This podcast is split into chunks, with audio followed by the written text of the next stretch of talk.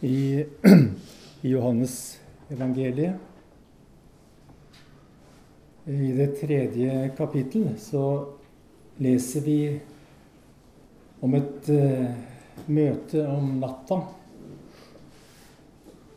Et møte mellom Jesus og en mann med navn Nikodemus, som var en av jødenes rådsherrer. Og Nikodemus skjønte ikke når Jesus talte om en ny fødsel og om Den hellige ånd som en gåtefull vind. Vinden blåser dit den vil, sier Jesus. Du hører den suser, men du vet ikke hvor den kommer fra, og hvor den farer hen. Slik er det med hver den som er født av Ånden. Et annet sted sier Jesus Han, altså Den hellige ånd, skal ta av det som er mitt, og gi til dere. Den hellige ånd lar seg ikke forklare. Fremfor alt så lar han seg ikke fange. Og han lar seg ikke sette i bås. Den hellige ånd er midt iblant oss for å herliggjøre Jesu navn. Vi ser han ikke, for han er et mysterium. Men han kjennes på at han blåser liv fra Jesus inn i våre hjerter. Og han formidler et gudsnærvær som får konturene av Jesus til å tre fram i et menneskes liv.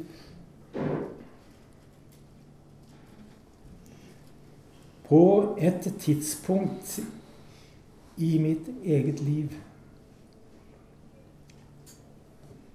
ble jeg totalt overrasket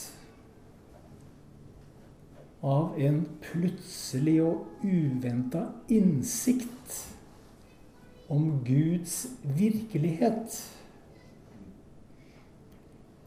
Og det var Åndens første innslag i mitt liv. Og det var som om evigheten gjorde et snitt i tiden. Og et slør ble dratt til side. Og til syne kom Guds skjønnhet. Jeg kan ikke forklare det som hendte. Men jeg kjenner fremdeles på ettersmaken. Og fra den dagen visste jeg at det er sant om Jesus. Og for meg snudde det opp ned på livet. Rent objektivt sett så har den personlige opplevelsen ingen større betydning enn den de fleste kristne har av Guds nærvær og virkelighet. For det er ikke opplevelsene som er viktige. Det som er viktig, er hva det gjør med meg. Noen uker senere, etter denne innsikten eller erfaringen Da lå jeg på kne i bønnebruset i kjelleren i Philadelphia i Thoresens gate. Og det var for meg et totalt fremmed miljø. Jeg kan egentlig ikke tenke meg noe fjernere fra det livet jeg hadde levd. Men Jesus var der. Og suset av åndens vind var der. Mens jeg lå der på kne så la forstanderen handa på skulderen min og spurte Svein, vil du bli døpt til søndag? Hm. Den så jeg ikke komme. Vil du bli døpt? Du vet Altså i, i full offentlighet. I dåpsbassenget i Philadelphia i Thoresens gate. Det får være grenser. Og det svaret kom ikke uten kamp. Det skal jeg innrømme. Og én tanke for gjennom hodet på meg der jeg lå på kne i Philadelphia. Og den tanken sa Hvis du går så langt, kan du aldri gå tilbake.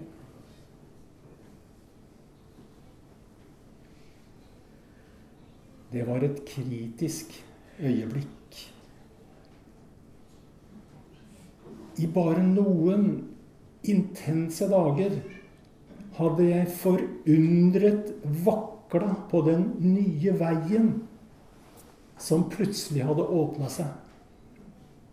Uten å ane hvor den skulle føre meg. Det er klart at jeg var ambivalent. Jeg hadde jo mitt liv, mine drømmer, mine planer og mine ambisjoner. Dypest sett så handlet dette øyeblikket om et valg. Og det valget det handlet om Skulle jeg inkorporere kjennskapet til Jesus i mitt gamle liv? Eller skulle jeg inkorporere mitt nye liv i hans. Det her, det brøyt på dypt vann, for å si det sånn. Og det kosta noe. Men det var den viktigste beslutningen i mitt liv. På kne på betonggulvet i bønnekjelleren i Philadelphia tok jeg en avgjørelse. Og jeg svarte ja. Og det svaret, det forløste noe dypt inne i mitt innerste vesen. Og med det samme jeg hadde avlagt det svaret og sagt det, så skylte det inn over meg en intens gledesbølge. Som kom med en fred og en visshet som jeg aldri hadde kjent. Den hellige ånd blåste gjennom min hage. Gjennom min hage.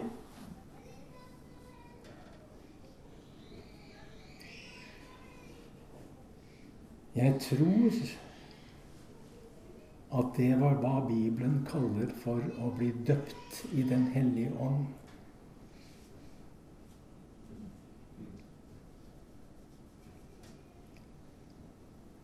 Og med rød blyant, når jeg kom hjem med rød blyant, satte jeg strek i den nye bibelen min under det som apostelen Paulus skriver i 1. Tesalonikerbrev, første kapittel og det femte vers. Da vårt evangelium kom til dere, skjedde det ikke bare med ord, men også med kraft ved Den hellige ånd og med full overbevisning. Eller som det står i den bibelen jeg hadde den gangen med stor fullvisshet.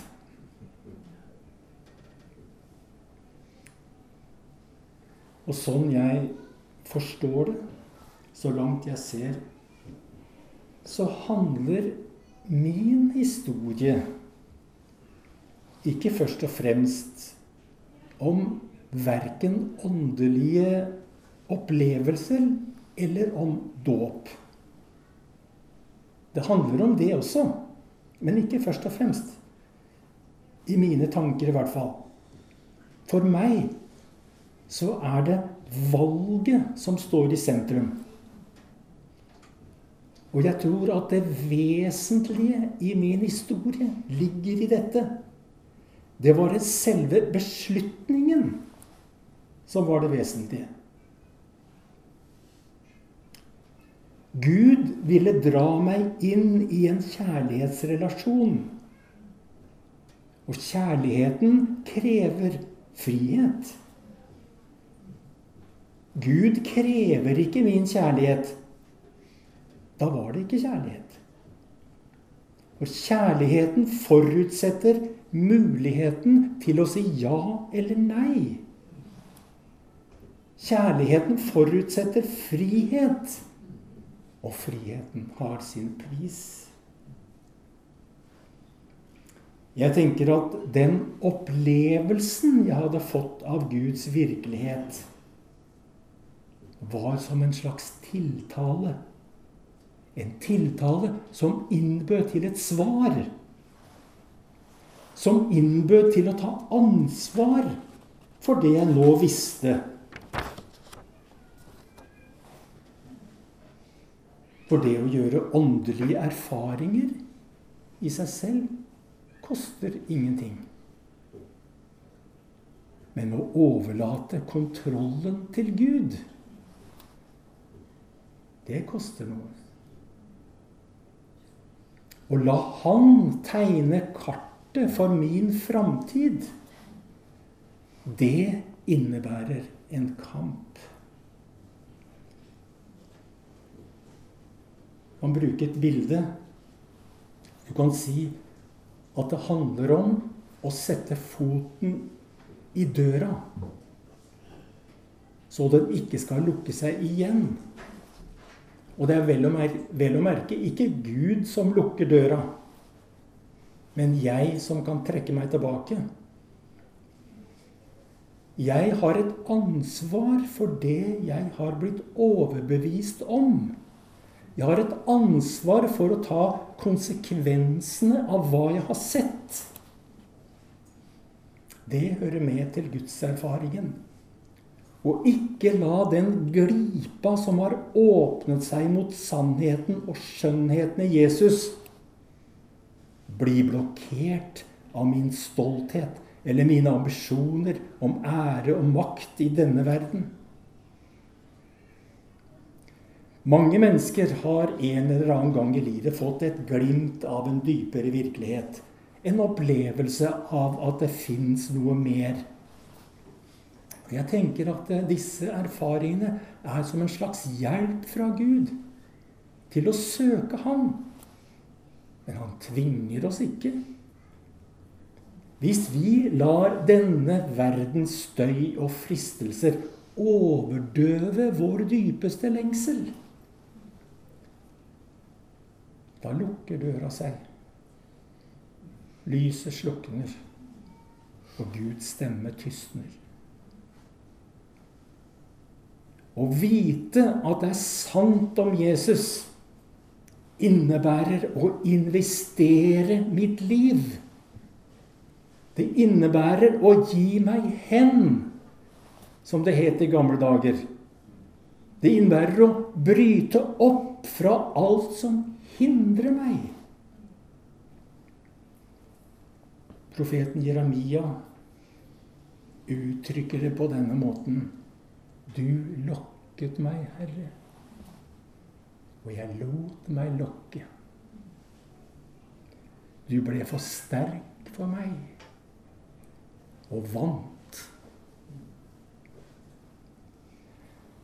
Historien om mitt første møte med Den hellige ånd og med Jesus, det skjedde en gang i steinalderen.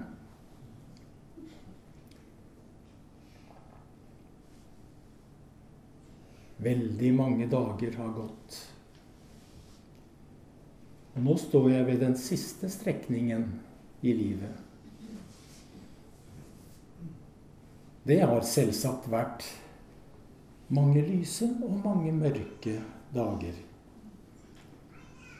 Noen dager har duftet av hegg og jasmin. Andre dager har vært en kamp mot tordenskyer og de rådende vinder. Men så er det forunderlige at på de mørkeste strekningene, på de dystreste dagene,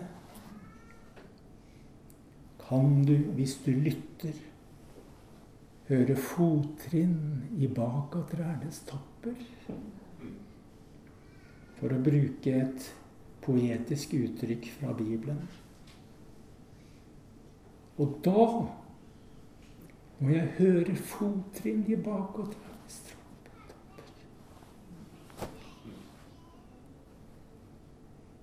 Da må jeg sette foten i døra. Velge å ta imot. Velge å ta konsekvensen av min nye innsikt. Også når kompromissene lokker med flere fordeler. Mitt personlige vitnesbyrd er egentlig bare en individuell situasjonsstudie. Våre personlige vitnesbyrd er små brikker i en mye større fortelling.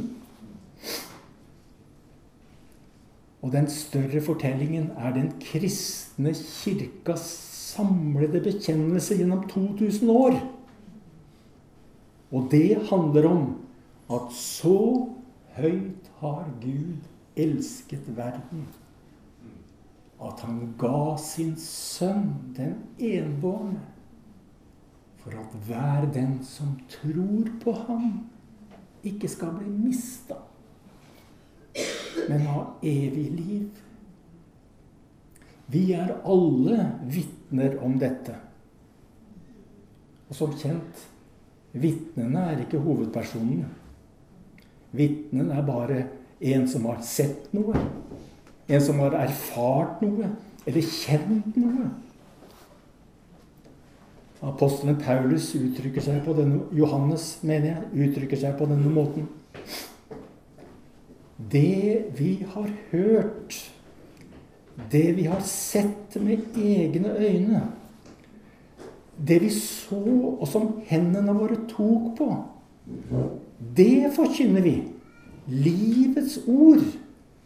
Og livet ble åpenbart. Vi har sett det og vitner om det og forkynner dere det evige liv som var hos Far, og som ble åpenbart for oss. Vi har hørt det med våre egne ører. Vi har sett det med våre egne øyne. Vi har rørt ved Han som er livets ord. Og nå forteller vi det til dere i nøktern prosa, hva som vi har vært vitne til. Vi har vært vitne til det ufattelige. Guds eget evige liv blir åpenbart for oss. Og fra den første dagen Jeg våget å ta Jesu navn i min munn. Og til mitt siste sukk i livet er han hos meg. Han er over meg, under meg, ved siden av meg og i meg. Det er og blir et mysterium, men du hører det suser.